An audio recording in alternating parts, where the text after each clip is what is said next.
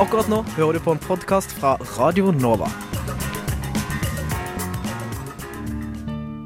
inn i dette, for det hovedspørsmålet det hadde vært siden eh, Noam Chomsky etablerte den greina av lingvistikken som, som jeg befinner meg i. Vi håper jo på bredest mulig oppslutning om SV, og jeg tror at det eneste som kan få norsk løsner båndene mellom staten og kirka, og forhåpentligvis fører til tettere bånd mellom kirka og folk. Så hadde de gjort som andre fjøringsbevegelser i verden, hadde de helt legitimt kanskje tatt i våpen. Og, og så direkte skildring av menneskeskjebner tror jeg ikke vi har sett i noen annen nyhetsdekning av noen annen terroraksjon. Det er såpass store forskjeller mellom den kalde krigen, hvor det var to supermakter som sto mot hverandre, eh, og den situasjonen vi har i dag.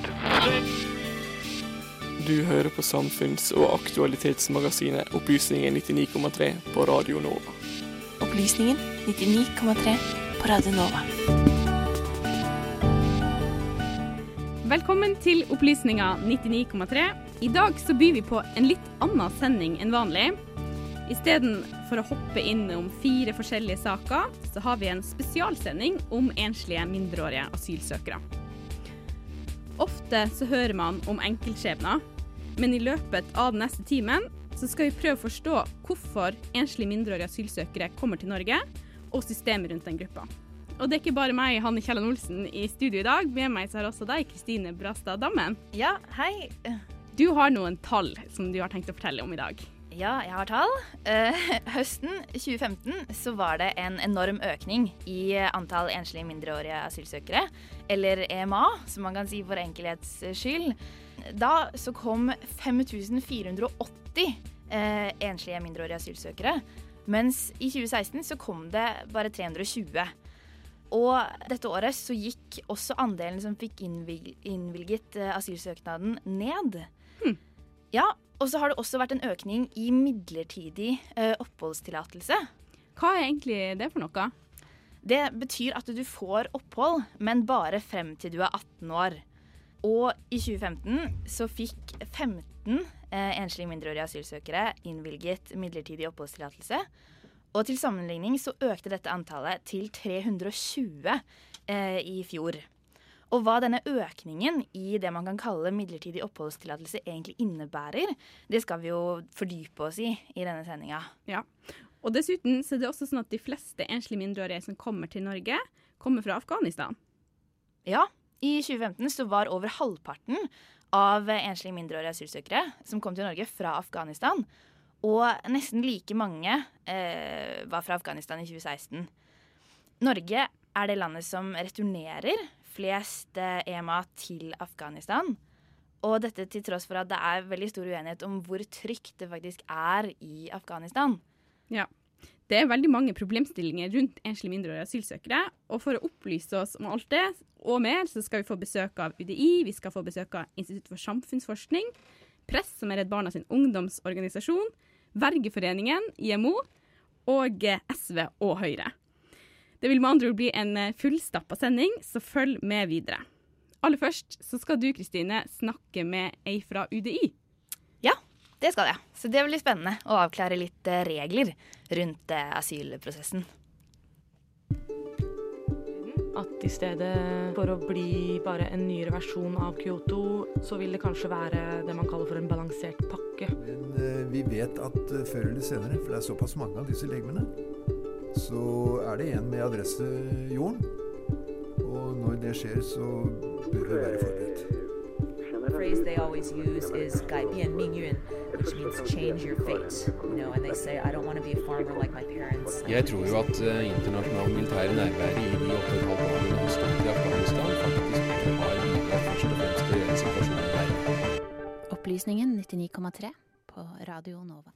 Asyldebatten og spørsmål om hvem som har rett på asyl, har vært en del av den norske hverdagen lenge. Men vet vi egentlig hvordan en asylsøknad behandles? Hvilke prosesser og mekanismer er i sving når en mindreårig søker asyl i Norge? Vi er med hos deg, Merete Gren Rommetveit. Du er seniorrådgiver eh, for asylavdelingen hos eh, Utlendingsdirektoratet, eller UDI. Ja. og er her for å forklare dette og gi oss noen begrepsavklaringer. Velkommen. Takk. Eh, når en under 18 år kommer til Norge og melder ifra at vedkommende er her for å søke asyl, hva er det da som skjer med denne personen? Det aller første personen gjør, er jo å oppsøke Politiets utlendingsenhet, eller politiet. Det skal de gjøre med en gang de kommer til Norge. Eh, og når du kommer til, til, politiet og du forteller at du er under 18 år, så blir du samtidig også tilbudt en aldersundersøkelse for at vi skal eh, sjekke alderen på personen. Eh, de fleste vil gjerne gjennomføre denne her. Eh, så eh, får du også oppnevnt en representant, altså verge.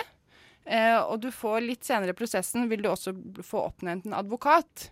Eh, voksne asylsøkere de får ikke advokat før de eventuelt får avslag på søknaden om beskyttelse, men enslige mindreårige de får advokat eh, tidligere i prosessen. Eh, dette med aldersundersøkelse er jo det er veldig viktig å vite alderen på de som er i Norge. Det er derfor vi gjennomfører den eh, undersøkelsen. Eh, etter det er gjort, så vil søkeren, som alle andre søkere, bli intervjuet av en saksbehandler i UDI. Eh, det intervjuet tar som normalt én arbeidsdag, og det foregår da på morsmålet til søkeren. Det er da en tolk til stede i rommet som oversetter alt som sies. Eh, etter at dette intervjuet er ferdig, så skal saksbehandler vurdere søknaden. Den søknadsvurderingen skjer da i tre trinn. Jeg vet ikke om dere vil altså gå inn på alle de tre trinnene nå med en gang, eller om vi skal eh, ta det litt senere i prosessen. Eh, vi kan ta det litt senere. Ja. Fordi jeg lurer på, Hvilke lover er det man må forholde seg til i UDI i asylsøkerprosessen? Eh, den loven vi forholder oss til, er selvfølgelig utlendingsloven, som er bestemt av Stortinget. Og i, eh, asylsøkna ved asylsøknader så er det utlendingslovens paragraf 28 som er den aller viktigste bestemmelsen. Den står i kapittel 4 om beskyttelse i utlendingsloven, og er eh, den søknaden behandles etter. Og hva, hva innebærer den sånn enkelt forklart? Eh, enkelt forklart. Eh, den, er den, er delt i mange ledd, men første ledd har eh, vilkår, eller da kriterier, for hvem det er som oppfyller eh, kravene til, for å få beskyttelse i Norge. Eh, bokstav A, den er, den er har bakgrunnen i Flyktningkonvensjonen. Og der er da det vi kaller vilkår, altså hva du må oppfylle for å få tillatelse. Det er en, du må ha en velbegrunnet frykt for forfølgelse, og den forfølgelsen må skyldes noen av de forfølgelsesgrunnene som står ramset opp i 28.1a. Ok, Men Man snakker ofte om beskyttelsesbehov, ja. og det er kanskje det dette dreier seg om? Eller? Det er dette det dreier seg om. Det er det alle som søker beskyttelse, søker asyl i Norge, de vurderes om de har et beskyttelsesbehov i Norge. Men uh, fins det forskjellige grader av beskyttelsesbehov, eller hva er det som bestemmer om man har krav på beskyttelse? Det er jo da den informasjonen som ligger i saken, og hva personen har opplyst selv under asylintervjuet. Hva de forklarer til oss at de risikerer ved retur til hjemlandet. Og da vurderer vi risikoen for at de skal bli forfulgt etter bokstav A eller står i reell fare for overgrep. Og det er da den vurderingen vi tar etter 28 første ledd bokstav B. Så det er vårt regelverk. Det er våre hovedbestemmelser, vil jeg si. Ok. Vil du, vil du kort forklare Dublin-avtalen også, for den hører man jo mye om. Ja. Eh, Dublin-avtalen det er en avtale mellom europeiske land som bestemmer hvilken stat i Europa som skal behandle asylsøknaden. Og da mener jeg realitetsbehandle, altså vurdere om personen har et beskyttelsesbehov. Det er sånn at hvis du har søkt asyl eller visum eller oppholdstillatelse i andre europeiske land, eh, og du kommer til Norge etter dette, så vil Norge sende deg tilbake til det første landet du f.eks. søkte asyl. Har du søkt asyl i Tyskland først, så kommer du til Norge etterpå, så vil Norge returnere deg eh, i de fleste tilfeller til Tyskland. Og det er også sånn at hvis du har kommet til Norge først og drar videre til et annet europeisk land, så vil det europeiske landet, f.eks. Tyskland, returnere deg da til Norge. Da er det Norge som er ansvarlig for å behandle asylsøknaden din. Men det at du kommer til Norge først, det innebærer da at du melder fra til politiet at du søker asyl? Eh, det vi bruker, er jo fingeravtrykkssøk. Fordi alle asylsøkere vil bli, tatt fingeravtrykk av.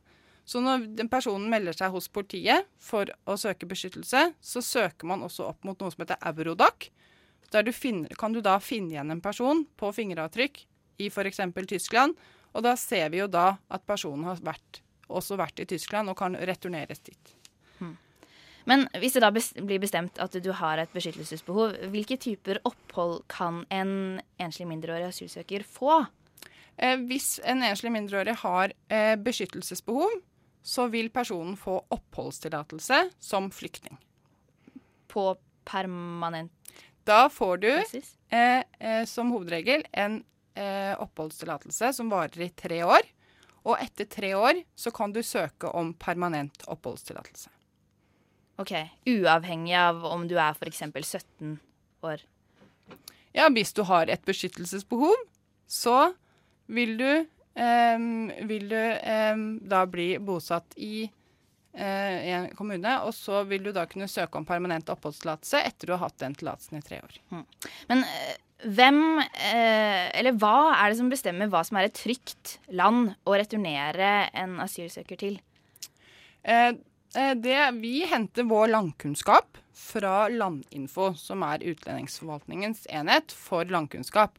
Og de innhenter jo også andre eksterne rapporter og forteller oss hvordan, situasjonen, hvordan sikkerhetssituasjonen er på det stedet der personen kommer fra. Så vi forholder oss til den informasjonen som de gir, og også andre rapporter. Og Landinfo henter sin informasjon fra eh, De innhenter informasjon selv, de foretar reiser.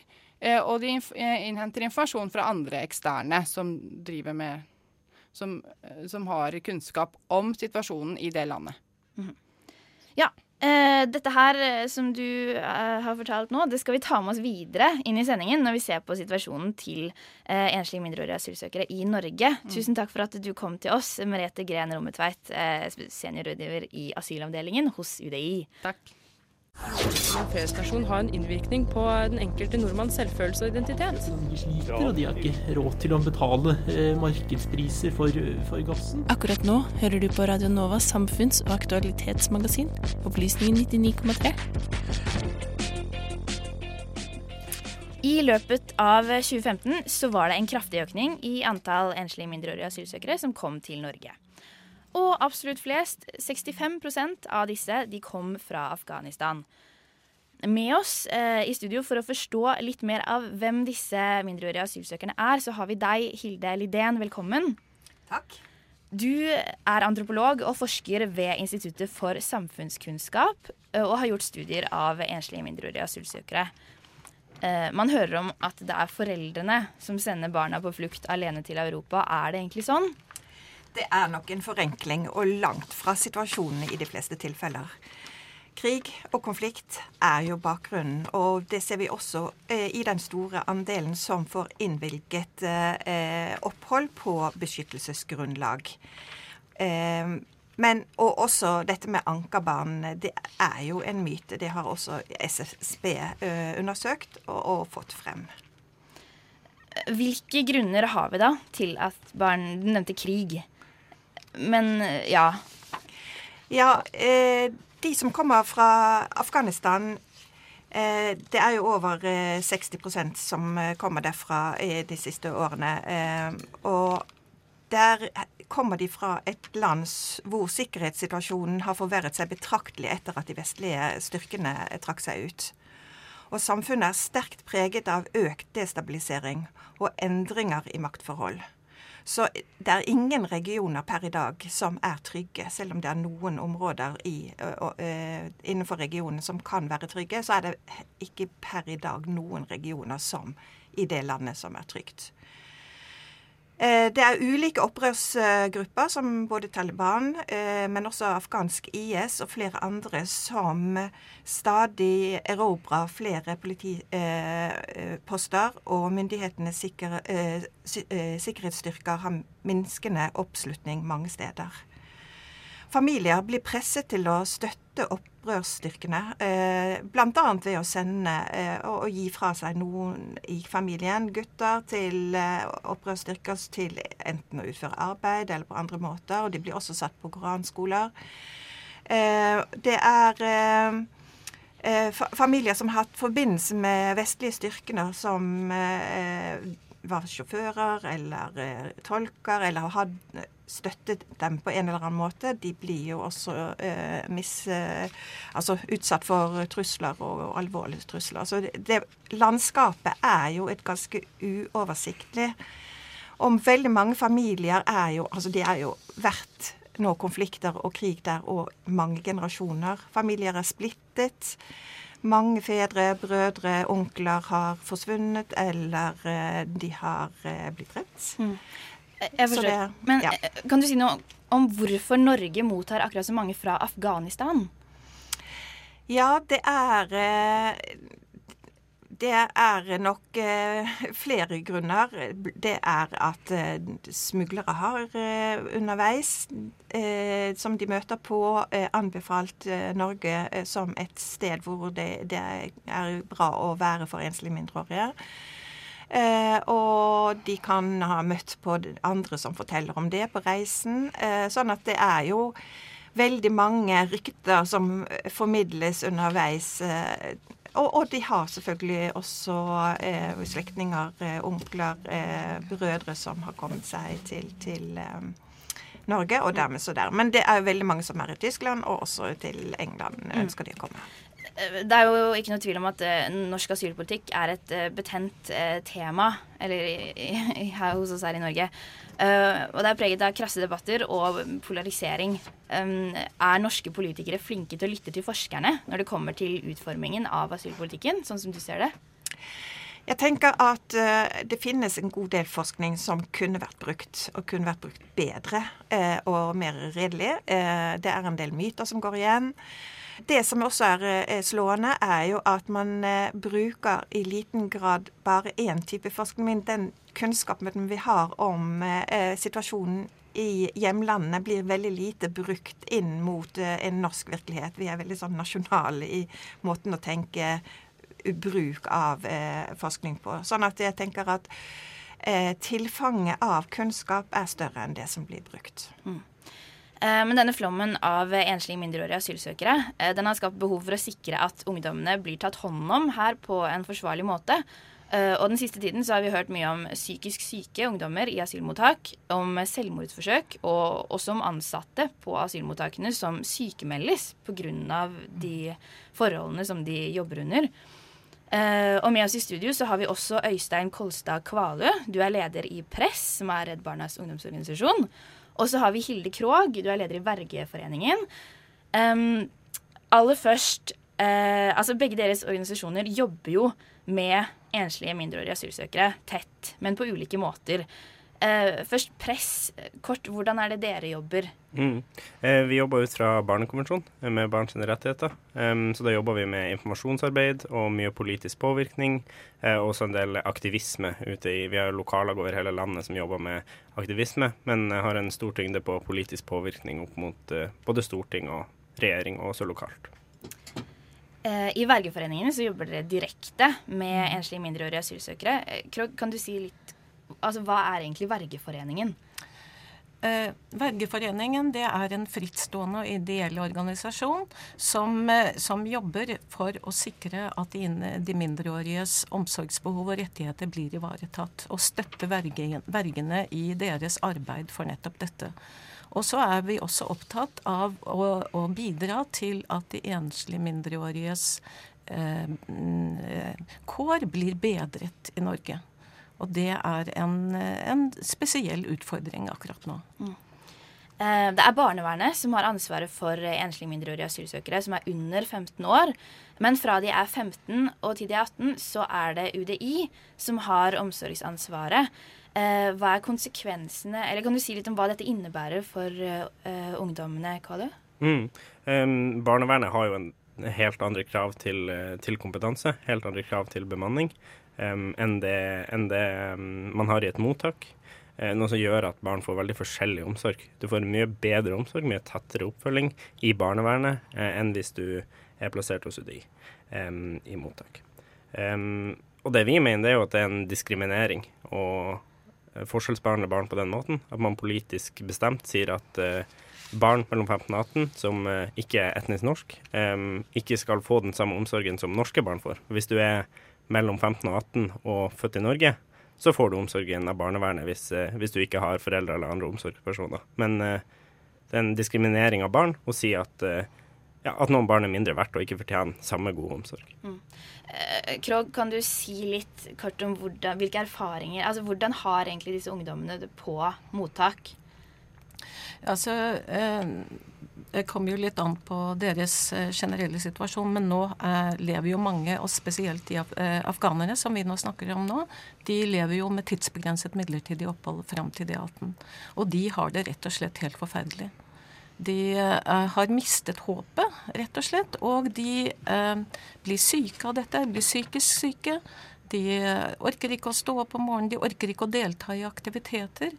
Og nå, eh, man, eh, nå skal man sette inn flere ressurser i forhold til ikke sant, å ta vare på de mindreårige i mottak. Men eh, slik som vi ser det i Vergeforeningen, så er det ikke dette det dreier seg om. Det dreier seg om de tidsbegrensede midlertidige oppholdstillatelsene. Ja, for det har jo blitt en endring i loven her. Eh, innledningsvis så nevnte jeg at i 2015 så var det 15 eh, som var under 18 år som fikk innvilget midlertidig oppholdstillatelse, mens de andre fikk da innvilget en annen type oppholdstillatelse mer på permanent basis. Mens i, i 2016 så økte midlertidig opphold til 320 tilfeller. Kan ikke du si litt, eh, Rommetveit, om hva denne endringen egentlig dreier seg om? Ja, jeg vil bare aller veldig kort først presisere at det er to typer ulike midlertidige oppholdstillatelse. En fordi du ikke har fremlagt dokumentasjon. Um, og det, og først vil jeg også si at Dette er personer vi ikke anser som har et beskyttelsesbehov. De får da opphold på humanitært grunnlag eller pga. sterke menneskelige hensyn. Eh, De som Krog refererer til, som får tillatelse frem til de er 18, det er der de kun har um, mangel på forsvarlig omsorg ved retur som grunnlag for opphold i Norge. Uh, og da når de da fyller 18 år, så er det lagt opp til at de da skal forlate Norge. Sånn er det. Og den endringen, eh, økningen, skyldes to forhold. Det var en eh, endret vurdering av eh, sikkerhetssituasjonen i Afghanistan. Ingen mente at den var bedret situasjon, men det var en eh, litt lavere terskel for å anse noe som, eh, høyere terskel for å anse noe som usikkert.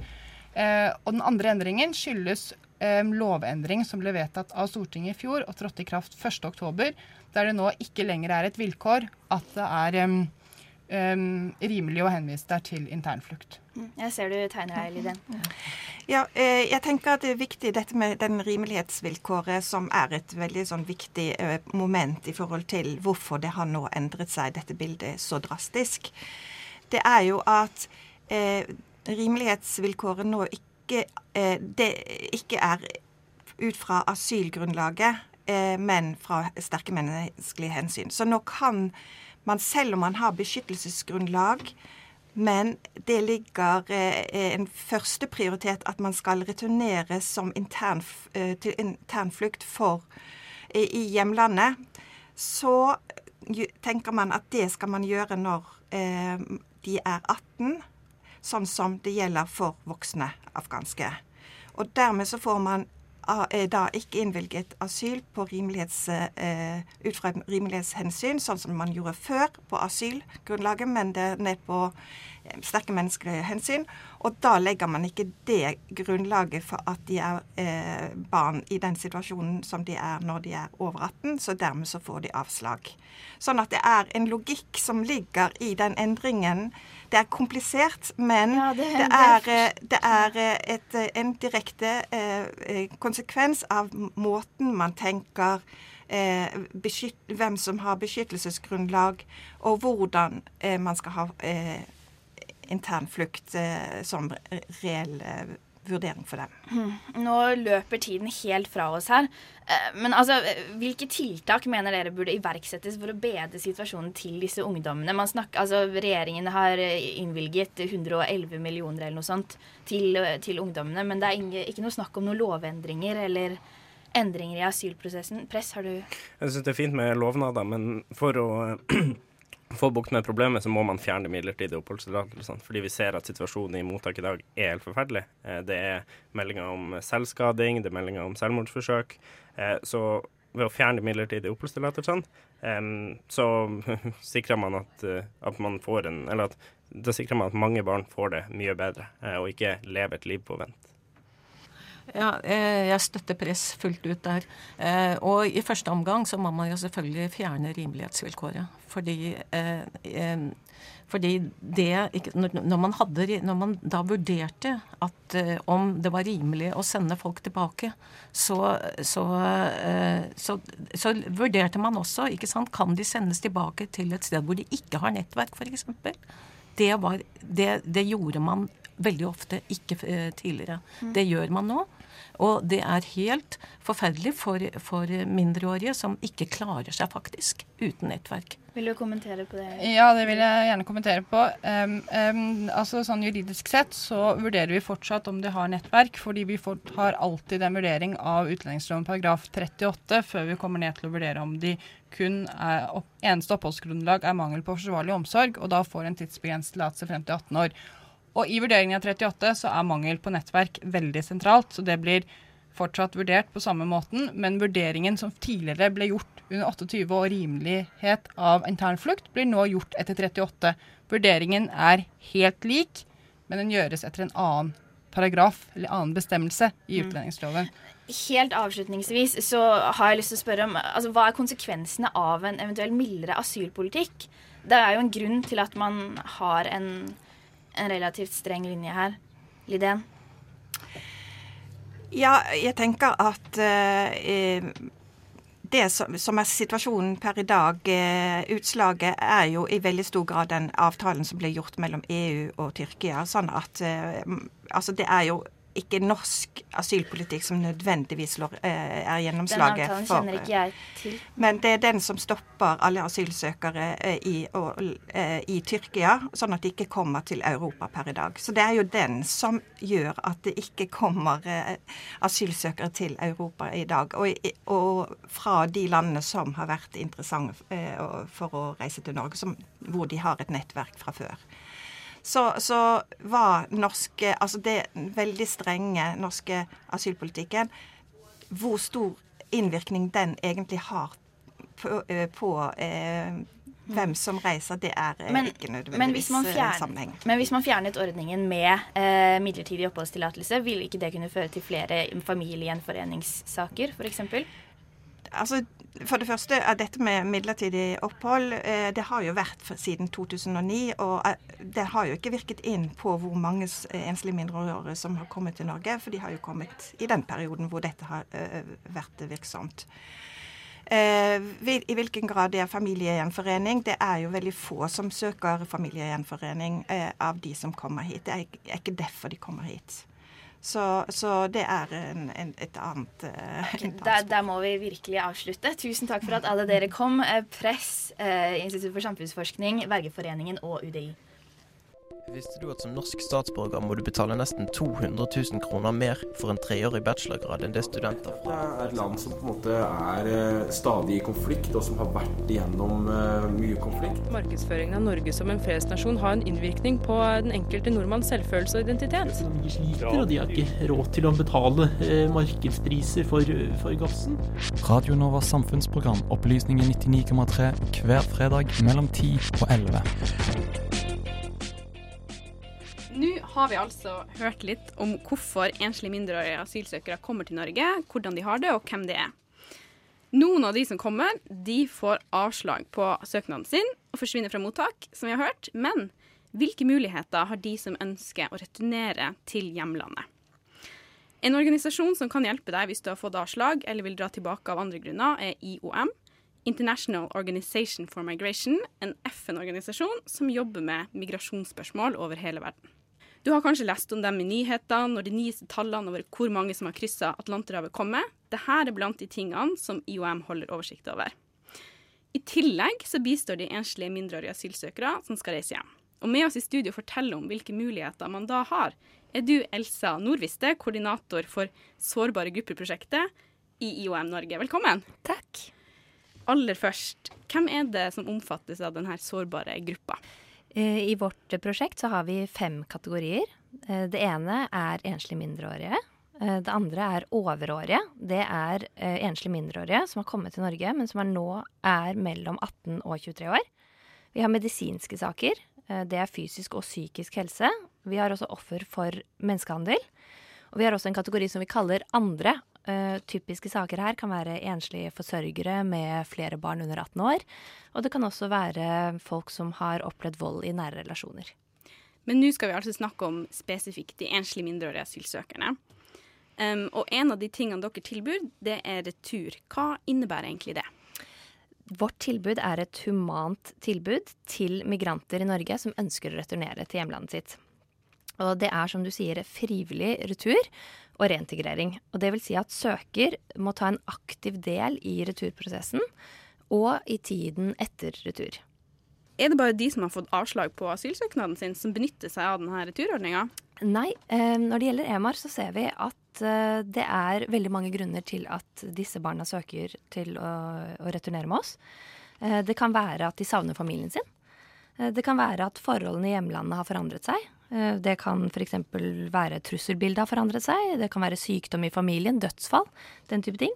Eh, Og vi ser også at mange ser at den situasjonen de befinner seg i Norge, kanskje ikke var helt den de ble forespeilet før de kom til Norge. Ok, Så da har man bestemt seg for at man vil returnere av forskjellige grunner, og så tar man kontakt med dere. Hva skjer da? Vi jobber veldig tett med emanes verge under hele prosessen, samt selvfølgelig med emaene.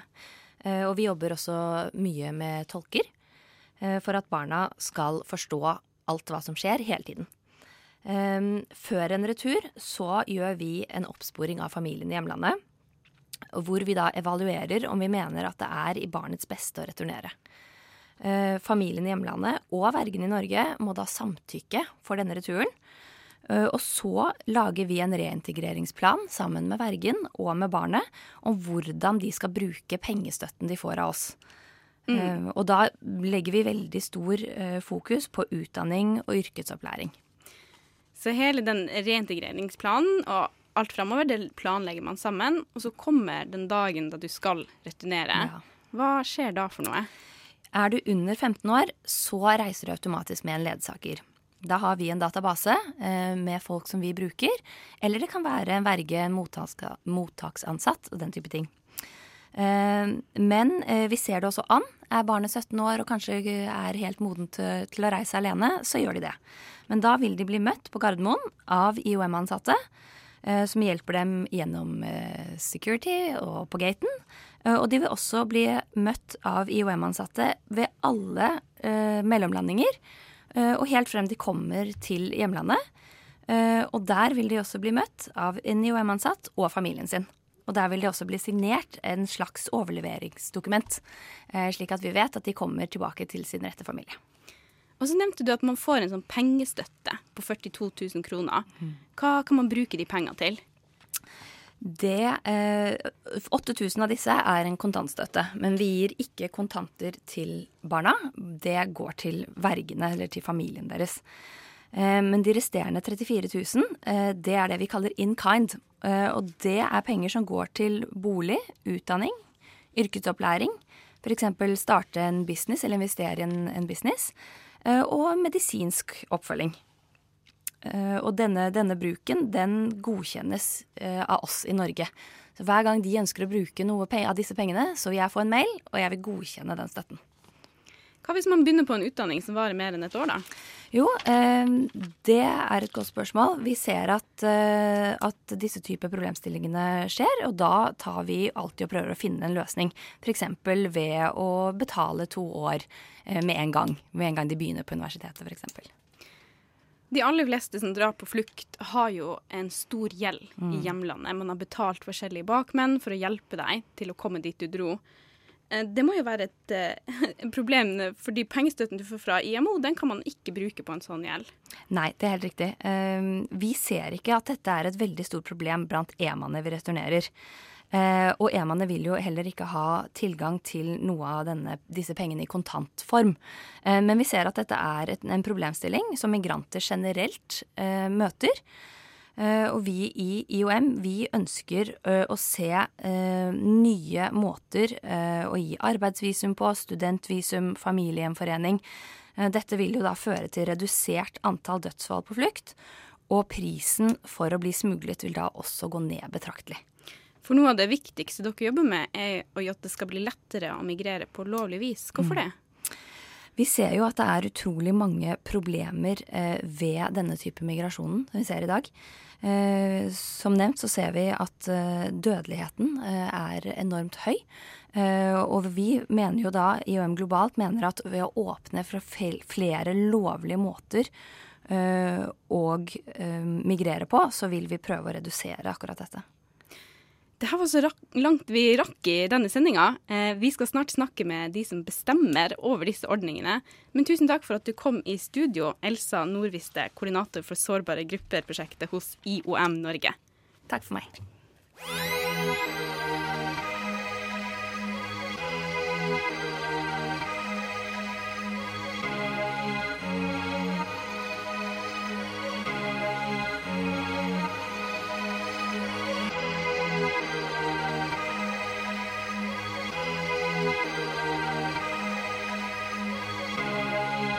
Siden 1982 har Radionova gitt deg favorittmusikken din, før du visste at du likte den.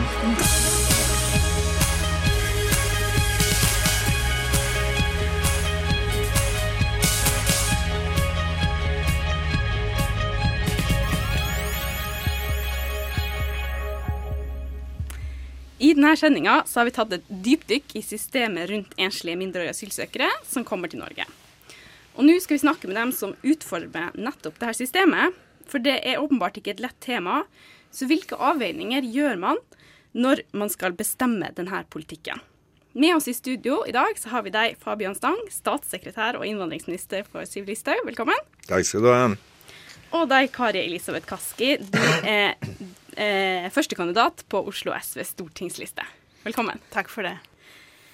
Debatten rundt enslige mindreårige asylsøkere den blir veldig lett oppheta.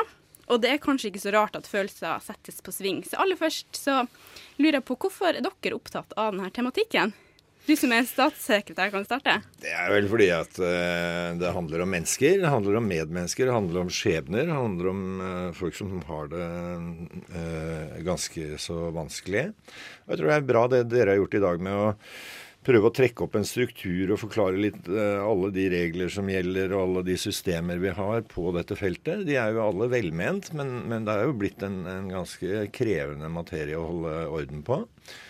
Men, eh, men det viktigste her er jo å stille seg spørsmålet hvordan kan vi i verdens rikeste land, riktignok ikke verdens største land, bidra for å hjelpe alle de millioner av mennesker rundt i verden som eh, enten er eh, forfulgt eller har eh, levekår som, eh, som gjør det umulig å føre et verdig liv.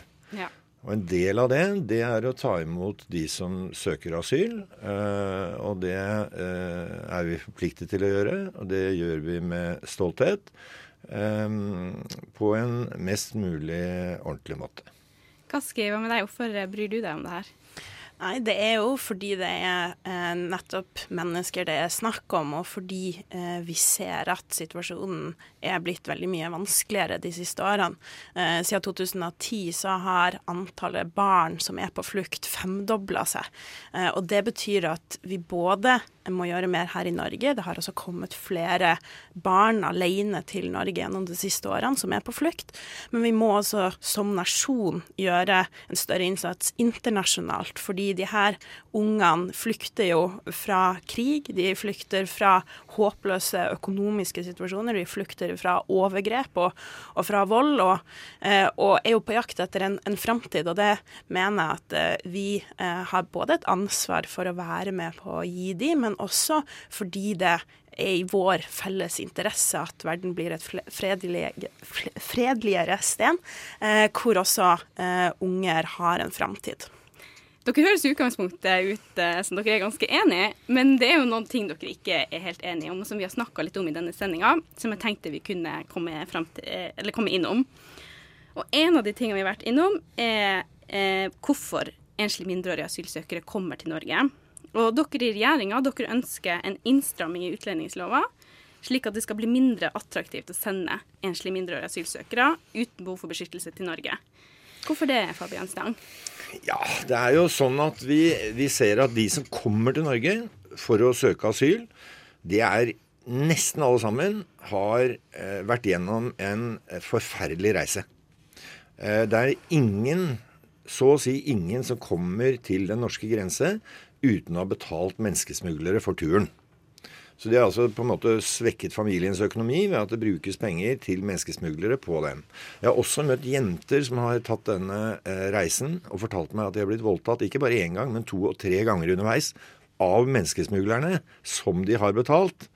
Uh, og da er det jo noen av oss som prøver å si som så at de som kommer hit, de skal vi ta så godt vare på som overhodet mulig. Men vi må samtidig tenke på om det er noe vi kan bidra med som gjør at færre legger ut på den reisen.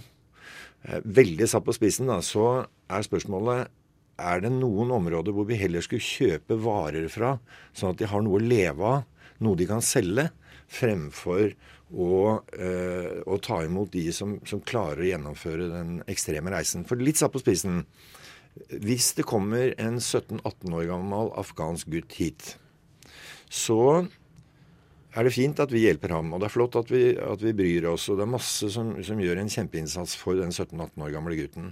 Men hva med søsteren hans? Hun sitter jo igjen i, i eh, Afghanistan. Og ingen går i fakkeltog for henne. Så så må, her må vi prøve å ha to tanker i hodet samtidig. Men for, Nå snakker du om de som har behov for beskyttelse. Men i, i det her forslaget som står i partiprogrammet til Høyre, så er det jo om eh, som handler om de som ikke har behov for beskyttelse. Ja, og der er det veldig viktig å sende et signal, som vi sier. ikke sant? Hvis det, hvis det blir kjent, og dette blir jo alt som foregår i denne eh, industrien eller i dette markedet, det blir jo kjent over internett på noen timer. Det er jo ikke sånn i gamle dager så tok det to år før, før du fikk vite om du var ålreit i Norge eller ikke. Dette går jo på, på, timer. Altså Hvis Arbeiderpartiet sier ta inn 10 000, så vet halve verden det eh, dagen etter. Eh, og da er vi opptatt av å sende et signal som at færrest mulig av de som ikke kommer til å få asyl allikevel, prøve på den farlige turen. At i hvert fall de stopper. Eh, eh, at i hvert fall de lar være å legge ut på eh, farlig båttur i Middelhavet. At i hvert fall de lar være å bruke familiens penger på, på menneskesmuglere. Det har du lyst til å kommentere, Kaski? Ja, for jeg tenker det er viktig å gå et skritt tilbake her uh, og se på hva som har skjedd i verden gjennom de siste årene. Vi ser at en økning i konflikt og krig, og også klimaendringene, bidrar til at flere mennesker er på flukt. Og jeg var inne på at uh, antall barn som flukter alene, har femdobla seg. Og jeg syns det er interessant da å se på tallene til Norge, for det har ikke kommet så få flyktninger og asylsøkere til Norge siden 1997. Og det i en tid hvor vi da ser at stadig flere mennesker er på flukt. I 2016 så kom, eh, var det 320 enslige mindreårige asylsøkere som søkte om opphold i, i Norge. Det var fem, over 5000 i 2015. Men det kom altså 170 000 enslige mindreårige asylsøkere til Europa i fjor. 300 av de til Norge. Og da må vi spørre oss som nasjon om det er riktig da at det skal komme så få til Norge, om vi faktisk da bidrar til å hjelpe mange ved at vi lar det komme så få. Det her er jo barn som har behov for beskyttelse, og som vi nå overlater litt sånn ansvaret til andre land, og til land som er nærmere de landene som allerede er i konflikt, og som har et enormt press på seg. Så må vi også huske på hvorfor er det de kommer, da. Hvorfor må så mange av de 90% betale menneskesmuglerne for å komme hit? Jo, det er jo fordi at det er den eneste måten de kan søke om asyl i Norge. Det er å komme seg til Norge for å søke om asyl. Og i dag så finnes det ingen andre måter å gjøre det på enn å faktisk betale en menneskesmugler. Og da mener jeg at det, det er for enkelt da å si at vi må sende et signal. For disse menneskene de er altså på flukt fra noe, eh, og vi har et ansvar for å hjelpe dem. Vi skal hjelpe dem i nærområdene, men jeg mener også at Norge har et ansvar for å ta imot flere. Og så må vi også behandle de godt når de, kommer hit, men det er en annen diskusjon også. Ja, det er vi enig. Kaski mener altså at det er for lite å sende et signal Eh, Nei, jeg tror, vi, jeg tror, vi, er inne på noe ganske spennende. fordi jeg, jeg, tror rett og slett vi må eh, bestemme oss for eh, Stortinget må bestemme seg for hvor mange kan Norge klare å ta imot? Altså hvor mange vil vi ta imot, hvor mange klarer vi å ta imot, og hvor mange er det behov for å ta imot? Og så eh, kanskje eh, litt eksperimentelt spørre oss skulle vi heller, når vi har bestemt oss for antallet, skulle vi heller reise ned og hentet dem. Fremfor å eh, si at de må gjennom den eh, farefulle, eh, dyre, nedverdigende, traumat, traumeskapende reisen. Eh, fordi at nå så blir det jo sånn at vi, vi, vi, premierer de aller sterkeste, de som klarer å karre seg frem til, eh, til eh, Norges grense. Mens det sitter igjen mange, mange, mange som kanskje har et enda større behov både for beskyttelse og for humanitær hjelp. Og um, for SV så opplever jeg innimellom at det er det er liksom det å Håper det kommer flest mulig. Eh, men, mens jeg håper at vi kan hjelpe flest mulig, enten det er her eller, eller hjemme. Men mener du rett og slett da, sånn som IOM nå akkurat sa, at man burde gjøre det lettere å migrere lovlig? Jeg syns vi, vi, skal være ærlige og tøffe nok til å bestemme oss for eh, hvor mange vi kan hjelpe. Eh, og så når vi har bestemt oss for det, eh, hjelpe til på en mest mulig effektiv måte. Nå er det litt sånn tilfeldig hvor mange som kommer, eh, og hvilke land de kommer til. Og jeg tror vi jeg tror, vi må, jeg tror vi må Altså, vi kan vise omsorg for enkeltindividene som er her nå. Det skal vi, og det håper jeg vi gjør. Men vi må også kunne klare å tenke fremover. Hvor, hvor skal vi hen? Hvordan skal denne verden komme i orden igjen? Kaski, du skal få lov til å svare kort på det, så skal vi gå innom én ting til. Det er litt vanskelig å få tak på det Stang sier her. fordi det du tar til orde for nå, høres for meg ut som egentlig kvoteflyktningordninga. Og det er akkurat det du kritiserer Arbeiderpartiet for. Det er jo en sånn type ordning der vi faktisk eh, ved hjelp av FN fordeler ut, porsjonerer ut de eh, flyktningene som har størst, mulig, som har størst behov for eh, beskyttelse, og som da kommer til et land og som ikke må ta den farefulle ferden. Og jeg kan være med på å diskutere og se på hvordan asylinstituttet skal skal tas inn i framtida. For vi ser jo at vi har en utvikling med stadig flere mennesker på flukt, og ingen av oss ønsker den utviklinga som vi har i dag, der de må sette ut på denne farefulle ferden. Men bare husk, det er ikke tilfeldig hvor mange mennesker som kommer når vi ser en sånn spiral en nedadgående spiral, der stadig flere land lukker sine grenser. For det som da skjer, at det er veldig få som når helt opp til Norge. Vi har vært med på den spiralen og lukka våre grenser. Og de menneskene som da har et beskyttelsesbehov, som er på flukt, flukt, de havner jo i nabolandene. Det er mange, det er mange millioner mennesker som er på flukt i Tyrkia nå, som er syriske jo, flyktninger. Men, jo, og, men, men hva det, gjør SV hvis det står 100 000 mennesker på den norske grensen i morgen? Hva gjør SV da? Det er et helt urealistisk scenario. Du kan ikke slå, komme med sånne hundretusenvis tall. Det er helt urealistisk i forhold til de tallene vi hadde. Nå har vi hatt en flyktningkatastrofe. Det har Europa sett de seneste årene at det kommer. Ikke ved den norske grensa. Og det kan ikke komme sånne tall. Fordi vi har hatt en flyktningkatastrofe gjennom de siste årene.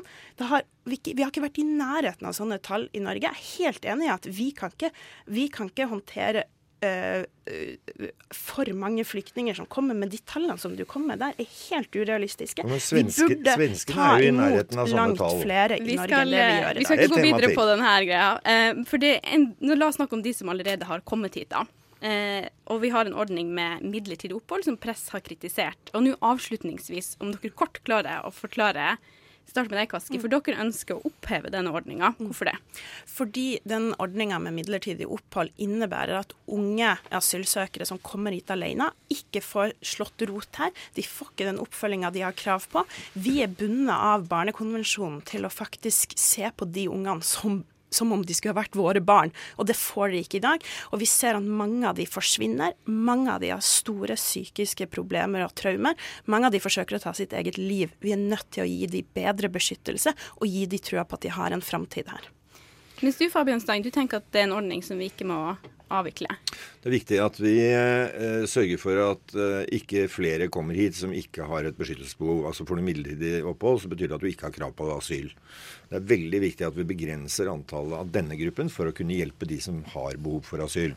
Uh, og så må vi samtidig klare å, gi uh, de som har midlertidig opphold, et meningsfylt innhold de årene de er her, frem til de fyller 18, sånn at de har med seg en form for utdannelse eller en, en utvikling uh, som kan nyttiggjøres når de kommer hjem. Men Men syns er- du de får et godt tilbud i dag? Ja.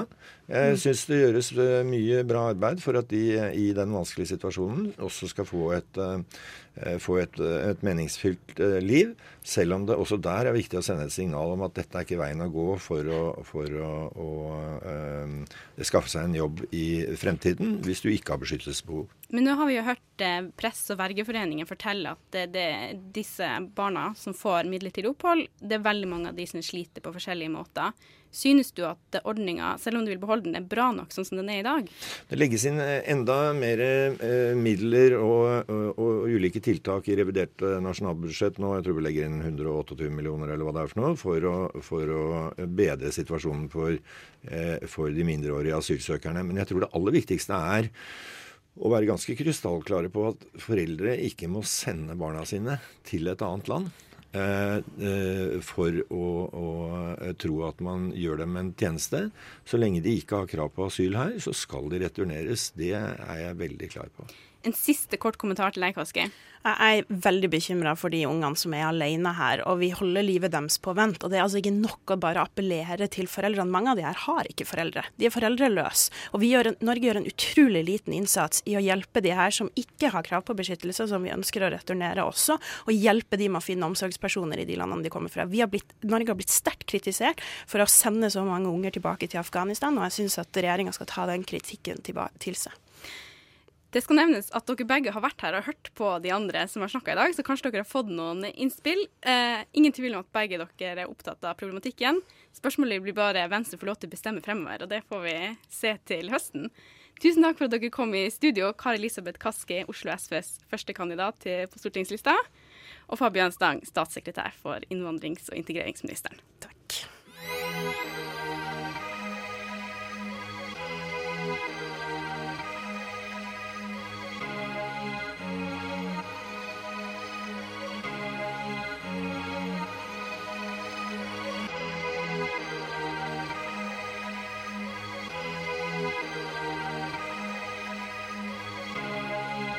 Siden 1982 har Radio Nova gitt deg favorittmusikken din, før du visste at du likte den.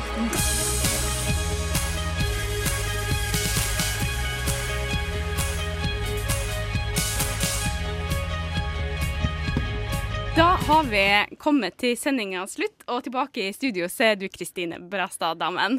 Ja, her er jeg. Det var et heftig løp. Ja, det var en eh, opphetet time, for å si det sånn. Har du lært noe nytt? Jeg har lært at eh, denne ordningen med midlertidig opphold, det er ikke bare én ordning. Det er altså Rimelighetsvilkåret er det noe som heter. Det er en lovendring som skjedde i 2016, som går på at man kan ja, man kan, man kan sende eh, flyktninger til områder som de i utgangspunktet ikke kom fra. Eh, altså fordi det anses som trygt, da. Det, altså det, det man tidligere anså som urimelig, det er nå blitt rimelig på en eller annen måte. Det er utrolig mange detaljer eh, å få med seg i denne debatten. Men, eh, men vi må avslutte sendinga. Det må vi faktisk. De bidragsytere har vært Tom Henrik Monsen og Mie Langeland Røvik. Fotograf har vært Edvard Brudelin Moen. Og tekniker har vært Simon Lima, som har hjulpet oss bak spakene. Snart kommer studentnyhetene, så vi må stikke herfra. Ja, faktisk. Takk for i dag. OK, ha det bra. Radio Nova. Du har hørt en podkast fra Radio Nova. Likte du det du hørte? Du finner flere podkaster i iTunes og på radionova.no.